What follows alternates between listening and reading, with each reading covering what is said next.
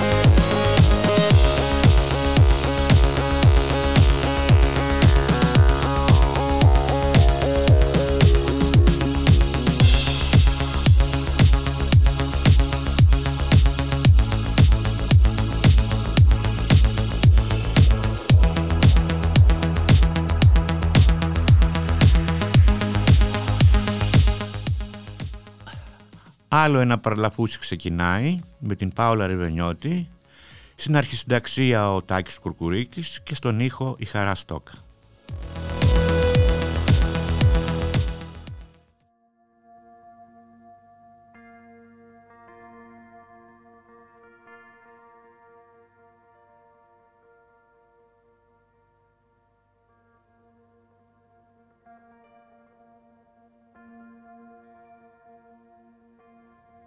on the floating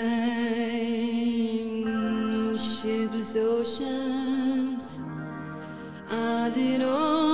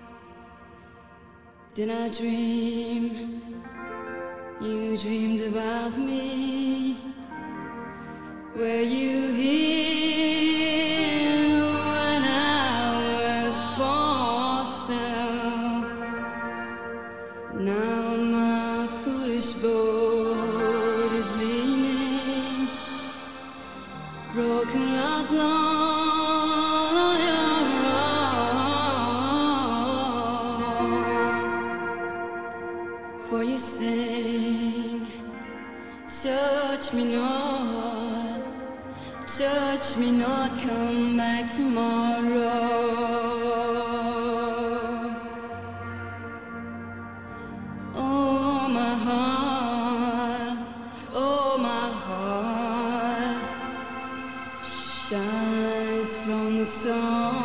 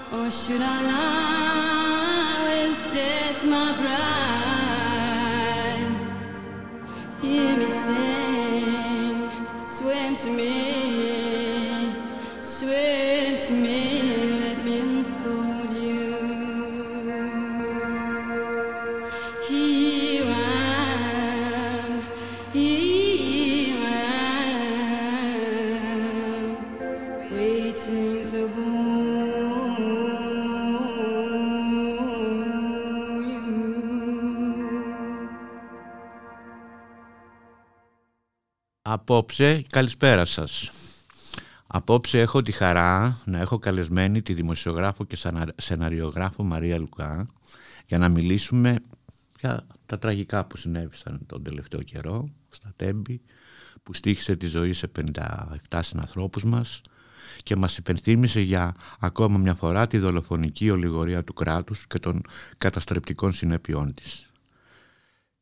Σε καλωσορίζω. ορίζω. Σε ευχαριστώ πάρα πολύ που ήρθες καλεσμένη σήμερα εδώ. Μίλησε μου λίγο για σένα στην αρχή. Καλησπέρα. Ευχαριστώ, σε ευχαριστώ πάρα πολύ που, για την πρόσκληση και που είμαστε σήμερα και μιλάμε εδώ μαζί. Ε, εγώ είμαι δημοσιογράφος και σεναριογράφος όσο περνάει ο καιρός είμαι όλο και λιγότερο δημοσιογράφος με την έννοια ότι έχω απομακρυνθεί πλέον αρκετά από τα μίντια, δουλεύω 15 χρόνια στα μίντια αλλά τα τελευταία χρόνια κάνω πιο πολύ ντοκιμαντέρ, ασχολούμαι πιο πολύ δηλαδή με το ντοκιμαντέρ και με παραγωγές. Ε, και κρατάω ένα παράθυρο ανοιχτό που αρθρογραφώ και κάνω κάποια θέματα κυρίως που μου αρέσουν εμένα, συνεντεύξεις με ανθρώπους που εκτιμώ, που θέλω να συνομιλήσω μαζί τους. Και υπάρχουν διάφορα πεδία που με ενδιαφέρουν που με καίνε και εμένα δηλαδή σαν άνθρωπο, που είναι τα ζητήματα της έμφυλης βίας, του σεξισμού, της πατριαρχίας, της ακροδεξιάς βίας, του, του αυταρχισμού, της κοινωνικής δικαιοσύνης. Γι' αυτά γράφω, γι' αυτά προσπαθώ να κάνω ντοκιμαντέρ, γιατί αυτά νιώθω και εγώ ότι με αφορούν και ότι αφορούν και ένα κομμάτι τουλάχιστον της κοινωνίας. Το τελευταίο, για μίλησέ μου για το τελευταίο σου ντοκιμαντέρ. Ε, παίχτηκε στο φεστιβάλ της Θεσσαλονίκης, το ντοκιμαντέρ. Ναι, κάναμε πρεμιέρα την Τρίτη. Είναι το πένθος αυτοί που μένουν. Το συνσκηνοθετούμε με τη Μυριτό Πατσαλίδου. Αυτή ήταν μια πολύ προσωπική δουλειά, την ίδια στιγμή που είναι και αρκετά συλλογική. Δηλαδή αφορά, παρακολουθεί τις οικογένειες του Σαχζάτ Λουκμάν, του Παύλου Φίσα και του Ζάκο Στόπουλου στο πώς βίωσαν το πένθος μετά από τις στιγνές δολοφονίες των παιδιών τους. Ε, και βλέπουμε εκεί κάτι ε, που είναι πάρα πολύ σκληρό ε, και ταυτόχρονα είναι μέσα σε αυτή τη σκληρότητα υπάρχει και ένα παράθυρο ανοιχτό σοφός γιατί είναι οικογένειες οι οποίες έχουν βιώσει τραγικές απώλειες και με έναν τρόπο εντελώς βάναυσο. Δεν χάσαν τα παιδιά τους από κάποια αρρώστια. Τα χάσανε γιατί δολοφονήθηκαν σε ένα καθεστώς ακροδεξιάς ρατσιστικής βίας. Και την ίδια στιγμή που βιώνουν το πένθος τους την ίδια στιγμή πρέπει να υπερασπιστούν τα παιδιά τους να υπερασπιστούν τη μνήμη των παιδιών τους και να αγωνιστούν για δικαιοσύνη. Οπότε υπάρχει μια διαδικασία εκεί που το πένθος με μετασχηματίζεται ο θρήνος, η οδύνη μετασχηματίζονται σε αγώνα. Αυτό είναι κάτι που εμένα με ενδιαφέρε πάρα πολύ γιατί το έβλεπα... πολύ συγκινητικό κιόλας. Το έβλεπα γύρω μου και το βλέπω ακόμα γιατί εντάξει εγώ έτυχε να κάνω για αυτές τις τρεις υποθέσεις με τις οποίες κάπως συνδέθηκα ντοκιμαντέρ αλλά αντιστοίχως να σκεφτούμε ότι είναι και η οικογένεια του Βασίλη Μάγκου και οι οικογένειες πολλών γυναικών που δολοφονήθηκαν. Ε, οπότε αυτό κάνει το ντοκιμαντέρ, παρακολουθεί αυτές τις τρεις οικογένειες ε, και τους δίνει ένα, το χώρο και το χρόνο που χρειάζονται για να εκφραστούν, για να μιλήσουν, για να δείξουν κάτι από αυτό που νιώθουν γιατί προφανώς υπάρχει και ένα συναισθηματικό σύμπαν το οποίο είναι μεγάλο και απέραντο και το οποίο δεν ανοίγεται, δεν φτάνει ένα ντοκιμαντέρ για να ανοίξει. Αλλά ήταν τιμή μου που συνομίλησα μαζί τους και που με εμπιστεύτηκαν, γιατί θεωρώ ότι αυτοί οι άνθρωποι, δηλαδή και η Μάγδα Φίσα και ο πατέρας του Ζάκο, ο κύριος Θήμιος, ε, και ο πατέρας του Σαξάτ Λουκμάν, ο Καρδίμ Χουσέιν, ε, μέσα σε όλο τον πόνο που βίωσαν, κατόρθωσαν ε, να εμπνεύσουν παράλληλα και όλη την κοινωνία. Δηλαδή, ενώ οι ίδιοι ήταν τσακισμένοι ε, από αυτό που του συνέβη ε, έδειξαν μια αξιοπρέπεια, μια ευγένεια, μια αγωνιστική διάθεση ε, που λειτουργήσαν σε μια εποχή πολύ μεγάλου σκοταδιού γιατί θυμόμαστε εκείνες τις μέρες με τη Χρυσή Αυγή, με τη δράση της Χρυσής Αυγής λειτουργήσαν σαν κεριά αναμένα και είναι αυτό που λέει η Χάνα Άρεντ και το βρίσκω τρομερό πάντα, ότι η ζωφερή καιρή δεν είναι κάτι καινούριο στην ιστορία. Υπάρχουν διαρκώς, αλλά σε ζωφερούς καιρούς κάποιοι άνθρωποι ανάβουν ένα μικρό φως. Εγώ θεωρώ ότι αυτοί οι άνθρωποι λειτουργήσαν με αυτόν τον τρόπο. Δηλαδή το αντιφαστικό κίνημα δεν είναι το ίδιο πριν και μετά τη Μάγδα Φίσα. Και πρέπει να ήταν και πολύ συγκινητική ατμόσφαιρα όταν μιλήσανε στο τέλος της ταινίας με τον κόσμο. Ήταν πάρα πολύ συγκινητικό γιατί ήταν εκεί μαζί μας αυτοί οι άνθρωποι. Ήταν μια αίθουσα γεμάτη, γεμάτη με πάρα πολλά νεαρά άτομα και ήταν λίγο και στο κλίμα των ημερών. Δηλαδή εμείς μιλάγαμε για το πένθος αυτών των τριών οικογενειών και το συλλογικό πένθος που προξένησαν αυτές οι δολοφονίες σε συγκεκριμένες κοινότητες σε μια συγκυρία συλλογικού πένθους δηλαδή που και η Θεσσαλονίκη σαν πόλη ε, και ο νεαρός κόσμος της Θεσσαλονίκης αλλά και ολόκληρη κοινωνία ε, είναι νομίζω συγκλονισμένη από το δυστύχημα που συνέβη στα Τέμπη το οποίο όμως είχε χαρακτηριστικά εγκλήματος. Οπότε μέσα σε αυτό το κλίμα μιλήσαμε και ήταν αναπόφευκτο να μιλήσουμε και για αυτό το γεγονός. Ζούμε τώρα μια πολύ δύσκολη ρε παιδί μου εποχή τα τελευταία χρόνια. Πάρα πολύ δύσκολη εποχή. Απορώ πώς αντέχουν μερικοί άνθρωποι.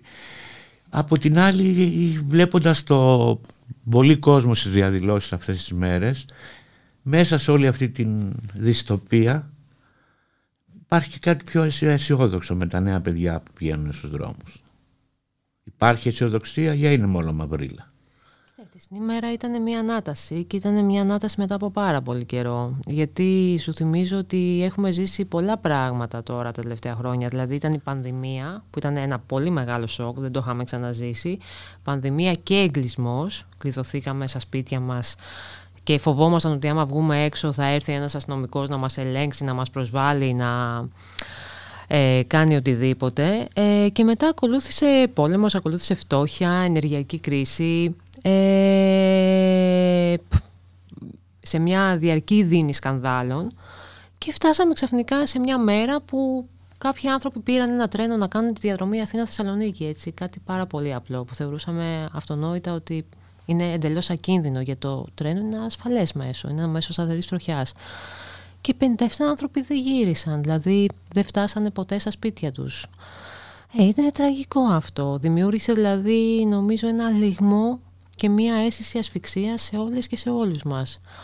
Οπότε σε αυτή την κατάσταση που ήταν και λίγο σορευτική και που υπήρχε και μια μοναχικότητα, δηλαδή δεν βλέπαμε ισχυρές αντιστάσεις και είναι και λίγο εγώ το καταλαβαίνω. Δηλαδή, άμα τρως και το ένα χαστούκι μετά το άλλο, λίγο δεν μπορείς να συνέλθεις και να σηκωθείς, να αντισταθείς. Το ότι χτες σε όλες τις πόλεις, ακόμα και στην Ανάφη, στην Αντίπαρο, σε πολύ μικρά νησιά, ε, ο κόσμος βγήκε έξω και διαμαρτυρήθηκε και είπε ότι φτάνει. Ε, θέλουμε να ζήσουμε, δηλαδή δεν μπορούμε να κινδυνεύουμε ανα πάσα στιγμή, να απειλούμαστε, να προσβαλόμαστε ανα πάσα στιγμή. Θέλουμε αυτό το πέρασμα που κάνουμε από τον πλανήτη να έχει μια μικρή αξία, να μπορούμε να το απολαύσουμε και να το χαρούμε. Ήταν ε, το μοναδικό ενθαρρυντικό στην τελευταία περίοδο. Δεν λειτουργεί τίποτε σωστά νομίζω. Δηλαδή αν το τρένο, τρακάρουν τρένα, Φαντάσου δηλαδή θα, τι, θα μπορεί να γίνεται και στα αεροδρόμια, τι μπορεί να γίνεται σε, σε, σε άλλα πράγματα δηλαδή. Θυμάσαι και πέρσι που χιόνισε μία μέρα, τι έγινε, δηλαδή μπλόκαρε ο κόσμος στην Αττική Οδό, μπλόκαρε στο, στο τρένο πάλι. Δηλαδή αν είναι με την παραμικρή συνθήκη να κινδυνεύεις, να κινδυνεύει η σωματική σου ακαιρεότητα και η ζωή σου, ε, καταλαβαίνεις ότι δεν λειτουργεί το κράτος ή μάλλον το κράτος λειτουργεί αλλά λειτουργεί μόνο υπέρ των λίγων, υπέρ μιας ελίτ, μιας εξουσίας που κυβερνάει και ότι η κοινωνία είναι στο έλεος τους. Για το τρένο δε συγκεκριμένα ε, το ότι κάποιες μέρες πριν συζητούσαμε για το σκάνδαλο των υποκλοπών. Δηλαδή, είμαστε σε μια ε, διαδικασία που μια κυβέρνηση παρακολουθούσε δημοσιογράφους, ακτιβιστές, πολιτικούς, αλλά τα τρένα δεν τα παρακολουθούσε κανείς, ε, είναι εξοργιστικό. Δηλαδή και όλο, και όλο αυτό που προσπάθησαν να κάνουν μετά, να ρίξουν την ευθύνη σε έναν και μόνο άνθρωπο. Ήταν κοροϊδία αυτό. Και ο Μητσοτάκης να πει ένα ανθρώπινο λάθος. Δηλαδή δεν ντρέπονται. Καλά να μου πεις τώρα αυτοί, να ντραπούν και αυτοί που τους ψηφίζουν. Ε, υπάρχουν ευθύνες τώρα και σε αυτούς που ψηφίζουν. Να ακούσουμε ένα τραγούδι.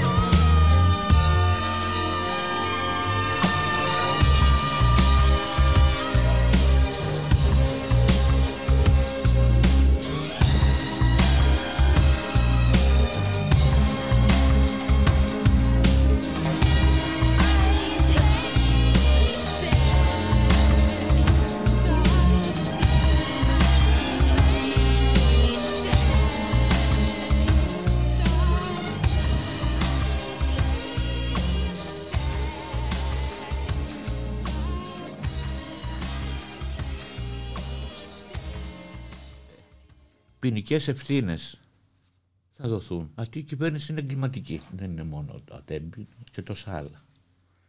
Καλά, υπάρχουν πάρα πολλά πράγματα σχεδόν από την αρχή της διακυβέρνησης. Δηλαδή, ξεκινάμε ξεκινώντας από την πανδημία. Ο τρόπος που η κυβέρνηση επέλεξε να διαχειριστεί την πανδημία ε, χωρίς να ενισχύσει επί το δημόσιο σύστημα υγείας. Έτσι, γιατί όταν έχεις μια τέτοια συνθήκη, το πρώτο πράγμα που πρέπει να κάνεις είναι να θωρακίσεις τα νοσοκομεία σου να, και να φτιάξεις και πρωτοβάθμια που δεν υπήρχε. Δεν υπάρχει πρωτοβάθμια στη, στην Ελλάδα για να στηρίξεις τον κόσμο, για να στηρίξεις και τα νοσοκομεία. Αυτό δεν έγινε πουδενή. Ε, φτάσαμε σε μια κατάσταση, νομίζω ότι θυμάστε, με ανθρώπους να διασωληνώνονται εκτός μεθ και είχαμε πάρα πολλούς νεκρούς.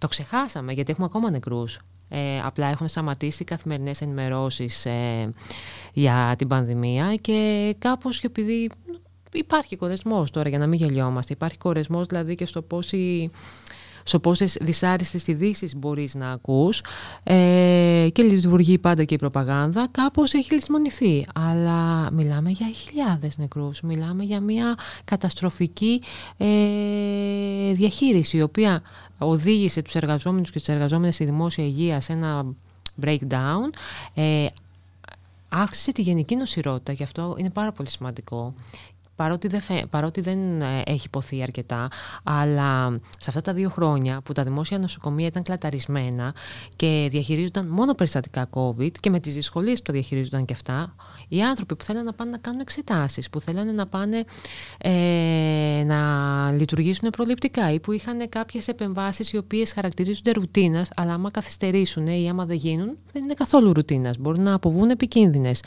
Ε, αυτό αύξησε τη γενική νοσηρότητα. Υπήρχε και πρόσφατα και μια ε, σχετική μελέτη σε ευρωπαϊκό επίπεδο που έλεγε ότι υπάρχουν περίπου ένα εκατομμύριο αδιάγνωστοι καρκίνοι στην Ευρώπη ακριβώς εξαιτίας της κατάρρευσης των συστημάτων υγείας. Τέλος πάντων, πέρα από την πανδημία, ε, είχαμε μια σειρά από σκάνδαλα. Ε, με απευθείας αναθέσεις, με ανθρώπους που διαχειρίστηκαν δημόσιο χρήμα. Είχαμε τις υποκλοπές, δηλαδή λίγο καιρό πιο πριν συζητάγαμε γι' αυτό. Ε, και φτάσαμε τώρα σε αυτό το τροχαίο δυστύχημα Σατέμπη ε, που κρέμονταν οι ζωές τόσων ανθρώπων από έναν σταθμάρχη. Είναι εξωφρενικό να το συζητάμε γιατί και ο καλύτερος σταθμάρχης του κόσμου να ήταν, ο πιο έμπειρος, ο πιο καταρτισμένος, ο πιο προσεκτικός, θα μπορούσε ο άνθρωπος να πάθει κάτι, θα μπορούσε να πάθει μια σκοτωδίνη, μια ζαλάδα, κάτι. Δεν γίνεται το 2023 με τέτοια τεχνολογική ε, ανάπτυξη με τόσα μέσα να στηρίζεις τη ζωή και την ασφάλεια τόσων ανθρώπων σε έναν και μόνο άνθρωπο. Δηλαδή κάνουμε πολύ πιο απλές δουλειές. Εγώ ας πούμε όταν γράφω ξέρω ότι μπορεί να μου φύγουν ορθογραφικά, συντακτικά λάθη. Θα περάσει το κείμενό μου πριν δημοσιευτεί από δύο-τρία χέρια. Δεν γίνεται εκεί λοιπόν να στηρίζεται όλο αυτό το πράγμα σε έναν εργαζόμενο. Ε, και με δεδομένο ότι υπάρχουν από πίσω, έχουν κάνει δηλαδή και οι Reporters United μια τρομερή δουλειά, έχουν δείξει ε, ότι υπήρχε σύμβαση για τα συστήματα τηλεδιοίκησης και σηματοδότησης που υπογράφηκε το 2014 που θα έπρεπε να είχε παραδοθεί το έργο το 2016 και έχουμε φτάσει 2023 και δεν έχει παραδοθεί ακόμα αυτό το έργο. Για όλα αυτά τα ζητήματα λοιπόν υπάρχουν ευθύνες οι οποίες είναι πολιτικές αλλά είναι και ποινικές κατά την άποψή μου και δεν είναι τυχαίο ότι παρά την λισαλέα ε, παραποίηση της αλήθειας και της κοινής λογικής των πρώτων ημερών, γιατί θυμάστε ότι τις πρώτες μέρες σταυρώνανε το σταθμάρχη, δεν μίλαγε κανείς για ευθύνες.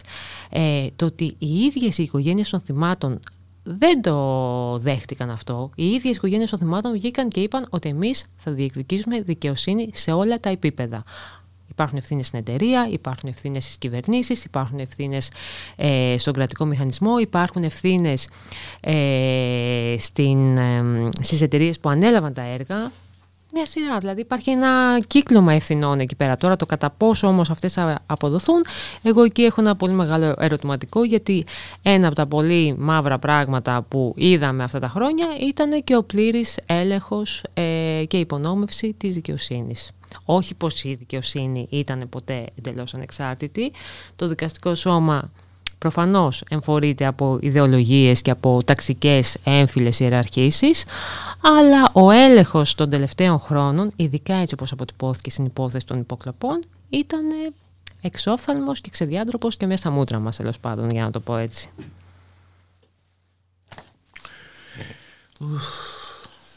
Έκανε ένα ουφ.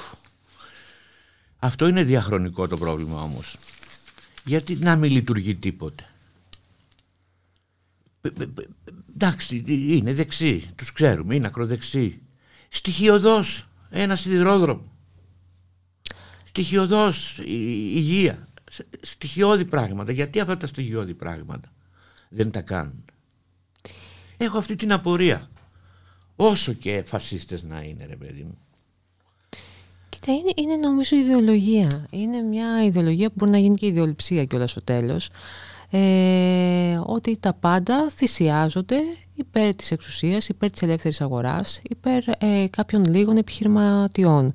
Ε, και δεν είναι κάτι που έχει συμβεί μόνο στην Ελλάδα. Εντάξει, συμβαίνει στην Ελλάδα, μπορεί να συμβαίνει αυτή την περίοδο ε, σε μεγαλύτερο βαθμό από ό,τι σε άλλες χώρες, αλλά από όπου πέρασε ο νεοφιλελευθερισμός άφησε πίσω του μια ισοπαίδωση. Δηλαδή αυτά, αυτό το οποίο κάπως έχει κωδικοποιηθεί ως δόγμα του σοκ που το έχει περιγράψει πολύ καλά και η Naomi Klein, το εφάρμοσε η σχολή του Σικάγο σε μια σειρά από χώρες αρχής γενομένης της Χιλής που την κατέστρεψε. Και βασίζεται ακριβώς αυτό, στο ότι κάνουμε business και καταστολή. Για να μπορέσουμε να κάνουμε business, να μπορέσουμε να καταστρέψουμε το δημόσιο τομέα και να χαρίσουμε τα πάντα στους ιδιώτες, ε, επιστρατεύουμε την καταστολή και τον αυταρχισμό. Αυτό γίνεται και στην Ελλάδα τα τελευταία χρόνια. Γίνεται από το μνημόνιο και μετά. Ε, γινόταν και πριν, αλλά σε ένα πιο περιορισμένο βαθμό. Αλλά αυτή η λαιλασία που υπάρχει στις ζωές μας και σε οτιδήποτε δημόσιο, σε οτιδήποτε είναι αγαθό και υπηρεσία, έχει ένα συντριπτικό ε, πλήγμα τα τελευταία χρόνια. Δεν τους νοιάζει βασικά, δεν τους νοιάζει, δεν, δεν ζουν όπως ζούμε εμείς, δεν παίρνουν τα τρένα που παίρνουμε εμείς, ε, δεν πληρώνουν τους λογαριασμούς που πληρώνουμε εμείς. Δεν ε, έχει καμία σχέση με την πραγματικότητα ναι. την ελληνική, τίποτα. Δεν υπάρχει. Τώρα ο Μητσοτάκης τι σχέση να έχει; Δηλαδή, πώς το δηλαδή βλέπεις ε, εδώ πέρα μοιράζουν διαρκώς κουπόνια και σου μοιράζουν τώρα μοιράζουν ένα κουπόνι που είναι... Ε, 17 ευρώ, 20 ευρώ. Ναι, είναι 20 ευρώ το, το μήνα. Σε προσβάλλουν και από πάνω. Και λες ότι για να το μοιράζεις αυτό και για να θεωρήσω ότι αυτό εμένα μου βελτιώνει τη ζωή μου, σημαίνει ότι δεν έχεις πάει ποτέ σούπερ μάρκετ. Δεν ζεις με το άγχος επιβίωσης, δεν έχεις πάρει ένα κανονικό μισθό όπως παίρνει η συντριπτική πλειονότητα των εργαζομένων. Γιατί άμα ξέρεις με τι μισού αμείβεται ε, ένας εργαζόμενος και μια εργαζόμενη και τι έξοδα έχει που έχουν φτάσει τα ενίκαια γιατί υπάρχει και τρομερή στεγαστική κρίση έτσι, με το Airbnb και όλη την τουριστικοποίηση και πόσο έχει ακριβήνει το σούπερ μάρκετ και πόσο έχει ακριβήνει το κόστος της θέρμανσης τότε δεν μοιράζεις τέτοια κουπόνια. Να ακούσουμε ένα τραγούδι.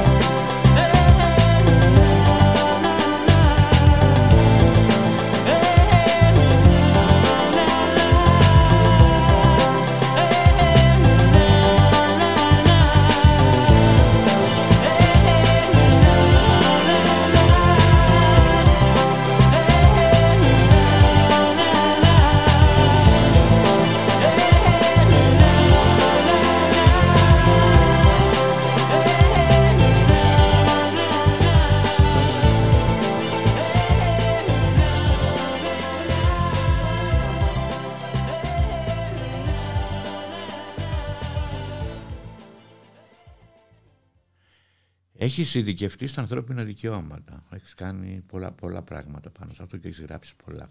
Είναι υπερβολικό, υπερβολικό, υπερβολική έκφραση, ακροδεξιά και εγκληματική αυτή η κυβέρνηση. Εγώ γενικώ θέλω πάντα να είμαι προσεκτική στην ορολογία που χρησιμοποιώ γιατί θέλω να αποφεύγω ιστορικούς σχετικισμούς.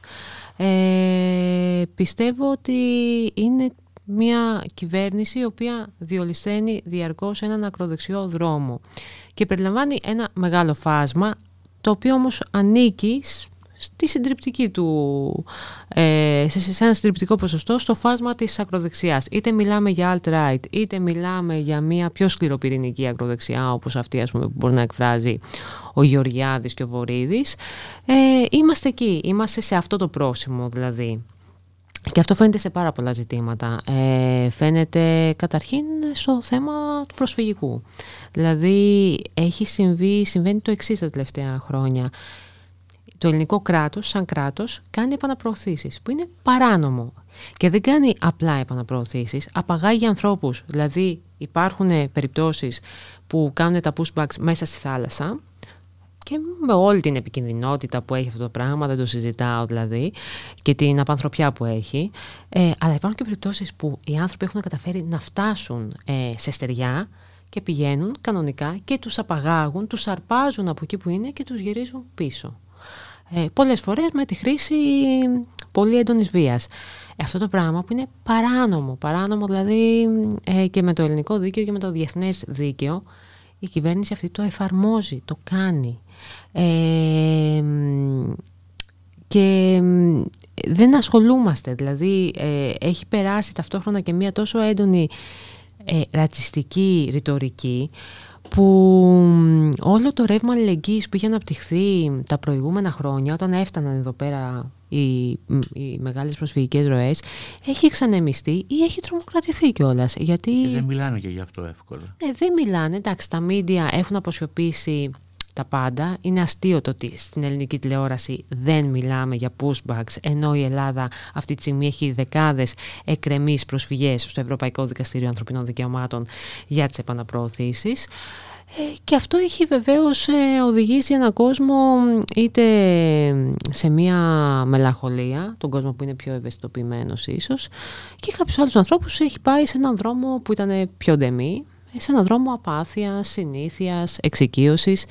Αλλά εδώ εγώ θέλω να κάνω και μια επισήμαση για την Ευρωπαϊκή Ένωση, γιατί κάνουμε τις προσφυγές ε, στο Ευρωπαϊκό Δικαστήριο και στους ευρωπαϊκούς οργανισμούς και καλά κάνουμε ε, και κάθε απόφαση έχει την αξία της αλλά έχει ευθύνες και η Ευρωπαϊκή Ένωση για αυτό που συμβαίνει δηλαδή για το γεγονός ότι η Μεσόγειος ολόκληρη έχει μετατραπεί σε ένα πλωτό νεκροταφείο ε, είναι αποτέλεσμα μιας πολιτικής, της πολιτικής που συνοψίζεται ως Ευρώπη φρούριο. Δηλαδή θα μπορούσε αλλιώς να διαχειριστεί τις προσφυγικές ροές, καταλαβαίνοντας ότι είναι ένα κομμάτι ιστορίας αυτό. Οι άνθρωποι κάπου πρέπει να πάνε και πρέπει να πάνε με έναν ασφαλή τρόπο και όχι ε, να πνίγονται ε, κάνοντας ένα τόσο ρηψοκίνδυνο ταξίδι.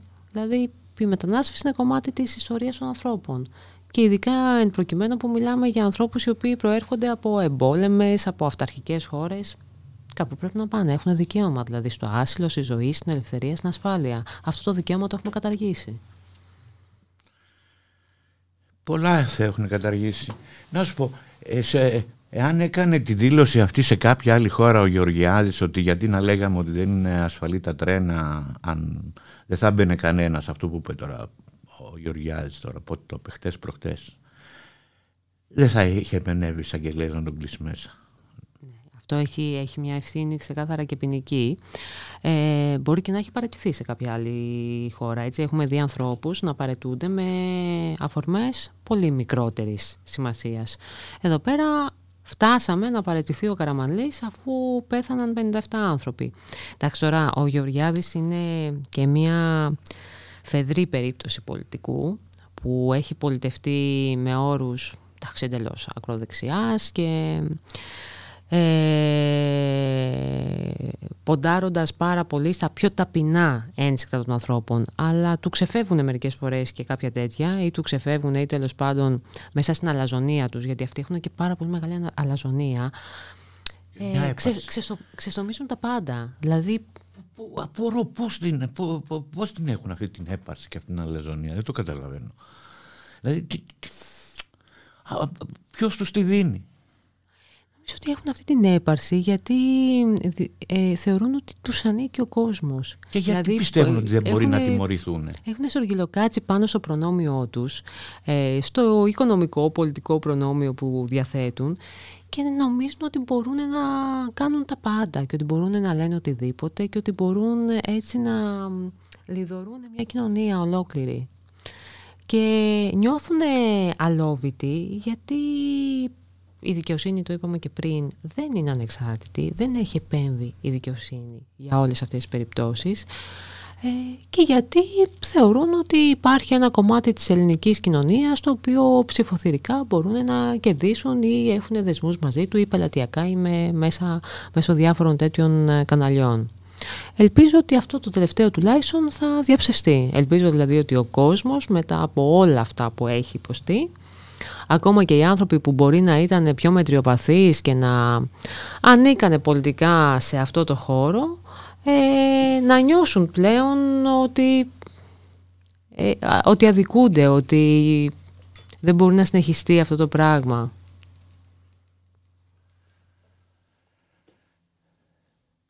Ο βουλευτής της Νέας Δημοκρατίας παραδέχτηκε ότι ο ΟΣΕ συνοψίζει όλη την κακοδαιμονία του ελληνικού κράτους που είναι οι πελατειακές σχέσεις και νομίζω δεν είναι μόνο στο ΣΕ, παντού πρέπει να είναι αυτά τα πράγματα.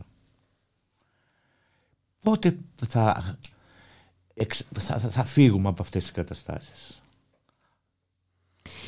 Δεν θα φύγουμε νομίζω έτσι. Ε... Όσο υπάρχουν πελατειακές σχέσεις με την πολιτική, δεν γίνεται. Όσο υπάρχει, όσο υπάρχουν ε, κυβερνήσεις οι οποίες ε, έρπονται από, εμφορούνται από την αλαζονία που είπαμε πριν, όσο δεν υπάρχουν μηχανισμοί λογοδοσίας, όσο δεν υπάρχει κοινωνικός έλεγχος, όσο υπάρχει μια ασυδοσία του ιδιωτικού κεφαλαίου. Δηλαδή γιατί κάποια πράγματα πρέπει να τα λέμε λίγο και με έναν τρόπο που μπορεί να μοιάζει παραδοσιακός ή ε, τυποποιημένος, αλλά έτσι είναι.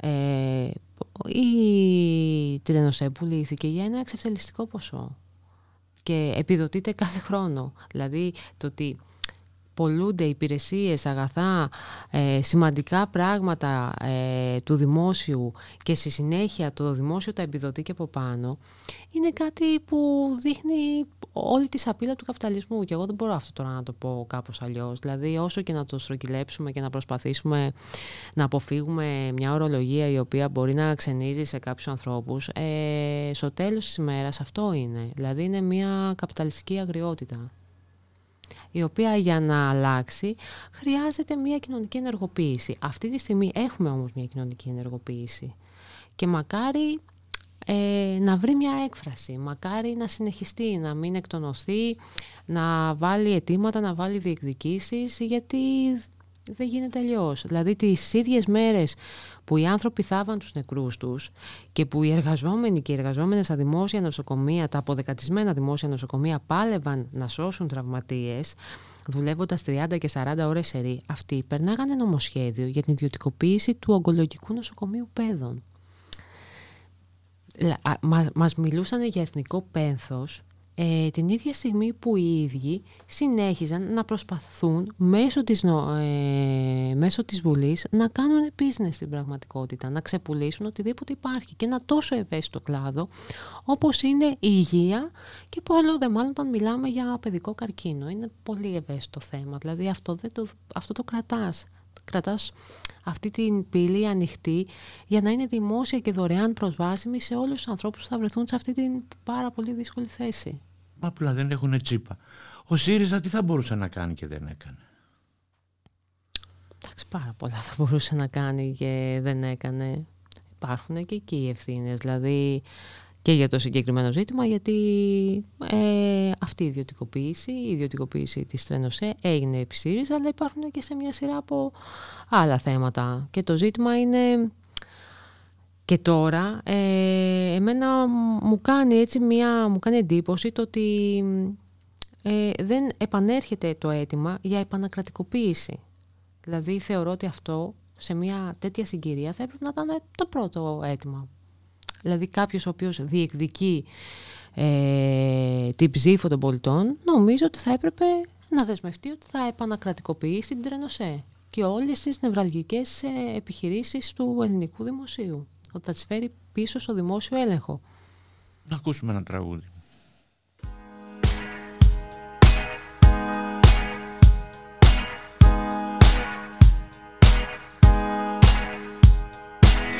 Don't mess with me, don't hurt my babies, I'll come for you. You'll find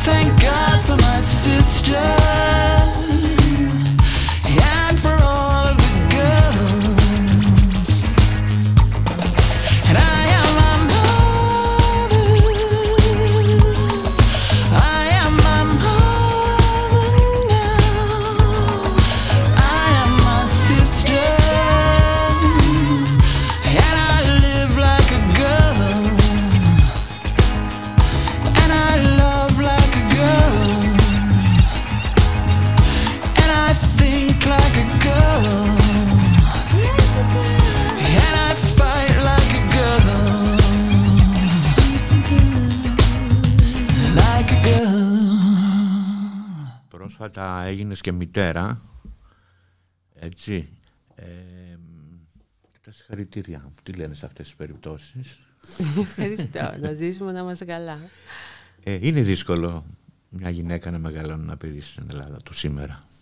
Είναι πάρα πολύ δύσκολο. Είναι πολύ δύσκολο ε, είτε να κάνεις ένα παιδί είτε να μην κάνεις ένα παιδί. Γιατί άμα δεν κάνεις ένα παιδί ε, θα, όπου και να πηγαίνεις θα σε ρωτάνε πάντα γιατί δεν έκανες παιδί και δεν σκέφτηκες, δεν ήθελες. Δηλαδή όλες οι γυναίκες που έχουν κάνει μια επιλογή μη μητρότητας η οποία είναι απόλυτα, οφείλει να είναι απόλυτα σεβαστή ε, βρίσκονται σε μια διαρκή θέση απολογίας να τις αντιμετωπίζει ο κόσμος σαν μη ολοκληρωμένες ή σαν καριερίστριες ή σαν οτιδήποτε. Αν αποφασίζεις να κάνεις ένα παιδί γιατί το θες, το γουστάρεις κτλ. Ε, σου λέει το κράτος ωραία, εμείς όσο καιρός σε πρίζαμε να γίνεις μητέρα, τώρα πάρε ένα πλασματάκι 2,5 κιλά ε, που εσύ ακόμα με τα ράματα και με την παραζάλη, πάρ το στο σπίτι σου και είσαι μόνη σου. Εκεί, βγάλει τα πέρα μόνη σου. Ένα μωρό ε, χρειάζεται μια φροντίδα 24 ώρη. Μια γυναίκα όμως επίσης, ένας γονέας, ε, έχει ανάγκες. Έχει ανάγκες και σωματικές και ψυχικές και κοινωνικές. Δηλαδή δεν γίνεται να σε βάζουν σε μια συνθήκη που ξαφνικά θα πρέπει χωρίς καμία ενημέρωση, χωρίς καμία υποστήριξη, καμία αρρωγή ε, να πρέπει να αναλάβεις αποκλειστικά τη φροντίδα ενός ε, παιδιού, ενός καινούριου ανθρώπου ε, και εσύ να μην μπορείς να εκπληρώσεις καμία άλλη ανάγκη σου γιατί όντως εγώ δεν είμαι σε αυτή την περίπτωση. Εγώ έχω μεγάλη υποστήριξη και από τον σύντροφό μου και από τις οικογένειές μας. Ε, αλλά και πάλι θέλω να σου πω ότι ζορίζομαι. Δηλαδή δεν κάνω τη ζωή που έκανα πριν και μου λείπουν αρκετά πράγματα από αυτά που έκανα πριν. Ε, αλλά έχω, έχω αυτή την υποστήριξη. Δηλαδή μπορώ σήμερα που το μωρό μου είναι 46 μερών να έρθω εδώ πέρα να κάνω να μιλήσω μαζί σου. Μια γυναίκα που θα ήταν single mother ε, ή που δεν θα είχε τον ίδιο καταμερισμό και την ίδια φροντίδα με τον σύντροφό της δεν θα μπορούσε να έρθει εδώ, δεν θα μπορούσε να πιει ένα καφέ με τη φίλη της, δεν θα μπορούσε ε, να διαβάσει ένα βιβλίο, να δει ένα ντοκιμαντέρ, να βγει έξω να πάρει λίγο αέρα, να κοιμηθεί λίγο καλά. Υπάρχουν γυναίκες που δυσκολεύονται ακόμα και στην εκπλήρωση σωματικών αναγκών. Πώς να σου πω, να μαγειρέψω, να αράξω κτλ. Αυτό δεν βοηθάει κανέναν. Δεν βοηθάει τη γυναίκα, δεν βοηθάει τη σχέση και δεν βοηθάει και το μωρό το μωρό έχει ανάγκη από φροντιστές και φροντίστριες που δεν θα είναι σωματικά και ψυχικά και συναισθηματικά εξαντλημένοι. Αυτό λοιπόν το μεγάλωμα των παιδιών θα έπρεπε να είναι μια υπόθεση κοινοτική. Όπως και σχεδόν όλα τα πράγματα της ζωής μας θα έπρεπε να είναι κοινοτικές υποθέσεις. Οι άνθρωποι δεν πρέπει να αφήνονται μόνοι τους.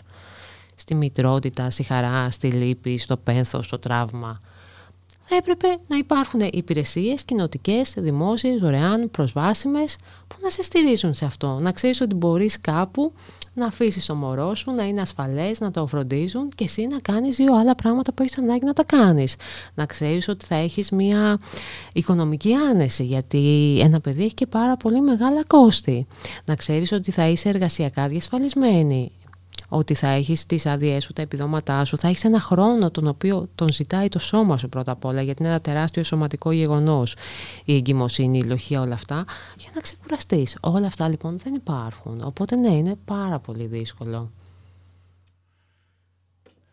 Να σε ρωτήσω, είσαι πάρα πολύ δημιουργικό άτομο. Ε, ε πόσα βιβλία έχεις ε, γράψει; Και πες μερικά για τη δουλειά σου αυτή για να τα ξέρει και ο κόσμος. Αν και τα ξέρουν νομίζω. Ναι, έχω γράψει ένα βιβλίο επί δηλαδή το «Μια γυναίκα απολογείται» που είναι μια νουβέλα ε, που εκδόθηκε το 2021. Ε, και από εκεί και πέρα έχω συμμετάσχει σε κάποια βιβλία. Έχουμε κάνει ένα βιβλίο μαζί με τον Αλέξανδρο τον Κατσί για το Ζάκο Στόπουλο. Ήταν στην πραγματικότητα ένα βιβλίο που είχαμε ξεκινήσει και δουλεύαμε όσο ήταν εν ζωή ο Ζάκ. Δηλαδή Θέλαμε να φτιάξουμε ένα βιβλίο που να έχει και φωτογραφίες και κείμενα δικά του και κάποια θεωρητικά κείμενα και το δουλεύαμε αυτό σε ένα πολύ δημιουργικό και ελεύθερο πνεύμα οι τρεις μας. Ε, και μετά όλη αυτή η προσπάθεια προφανώς διακόπηκε απότομα και βάναυσα με τη δολοφονία του Ζακ και ύστερα από κάποιους μήνες και σε συζήτηση με την οικογένειά του αποφασίσαμε να το εκδώσουμε αυτό το βιβλίο με ό,τι είχαμε κάνει μέχρι τότε στη μνήμη του επί αλλά και σαν ένα αποτύπωμα της παρουσίας του Ζακ. Γιατί ξέρεις, ε, μιλάμε πάρα πολύ για τον Ζακ ε, στην απουσία του, στο πόσο συγκλονιστική είναι αυτή η απουσία και έχει μια σημασία να θυμόμαστε πάντα και ποιος ήταν ο Ζακ, ποια ήταν η Ζάκη, γιατί ήταν σημαντική για τις ζωές μας, για την κοινότητα. Ε, γιατί ήταν λίγο, γιατί ήταν αστραφτερό το πέρασμά του και πόσο άδικος και σκληρός ήταν αυτός ο θάνατος, αυτή η δολοφονία. Οπότε εγώ το θεωρώ και ένα ίχνος της παρουσίας του μαζί με μια υπόμνηση ε, της ε, δολοφονίας και της απώλειας όλες αυτές τις ευαισθησίες που έχεις ενώ θα μπορούσες να κάνεις μια πιο κατεστημένη δουλειά σαν δημοσιογράφος να κάνεις εκεί, να κάνεις διάφορα. Όλες αυτές τις γιατί θαυμάζω γυναίκες σαν και εσένα ε, πώς τις απέχτες γιατί ασχολείσαι με πράγματα που θα μπορούσες να μην ασχοληθείς ας πούμε ξέρω εγώ Νομίζω ότι ασχολούμαστε όλες με αυτά που μας καίνε, δηλαδή και εσύ με αυτά δεν ασχολείσαι, δηλαδή και εσύ ασχολείσαι με αυτά που λέει η καρδιά σου, με αυτά που λέει η ζωή σου, το βίωμά σου, το συνέστημά σου, οπότε εκεί που σε πάει δηλαδή ο δρόμος σου και η πορεία σου. Δεν το κάνουν όλοι όμως, δεν το κάνουν όλοι. Ναι, ε, ναι, εγώ δηλαδή έτσι, έτσι βλέπω, έτσι βλέπω τον κόσμο, αυτά είναι τα βιώματά μου, προέρχομαι από, δηλαδή έχω συνέστηση της ταξικής μου θέσης, της έμφυλης μου ταυτότητας, ε, και το τι σημαίνει να είσαι ξέρεις, μια εργαζόμενη γυναίκα ε, στην πατριαρχία και στον καπιταλισμό. Έχω αυτή τη συνέστηση, ε, βλέπω, συνδέομαι με ανθρώπους ε, και υπάρχουν συνθήκες στις οποίες νιώθω καλά και με μένα και με τον εαυτό μου και με τις συνδέσεις που έχω και συνθήκες στις οποίες ασφικτιώ. Οπότε εκεί που ασφικτιώ αγωνίζομαι και φωνάζω, ναι. Να ακούσουμε ένα τραγούδι.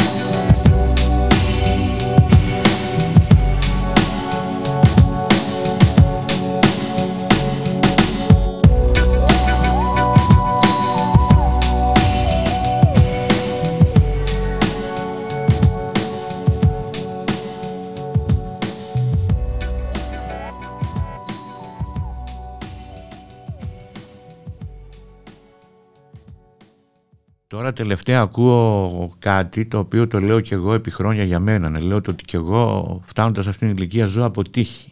Και τώρα το ακούω να το λένε πάρα πολύ. Ζούμε από τύχη σε αυτή τη χώρα. Ναι, κοίτα, ήταν το σύνθημα αυτών των ημερών. Το ζούμε από τύχη και το πεθαίνουμε για το τίποτα.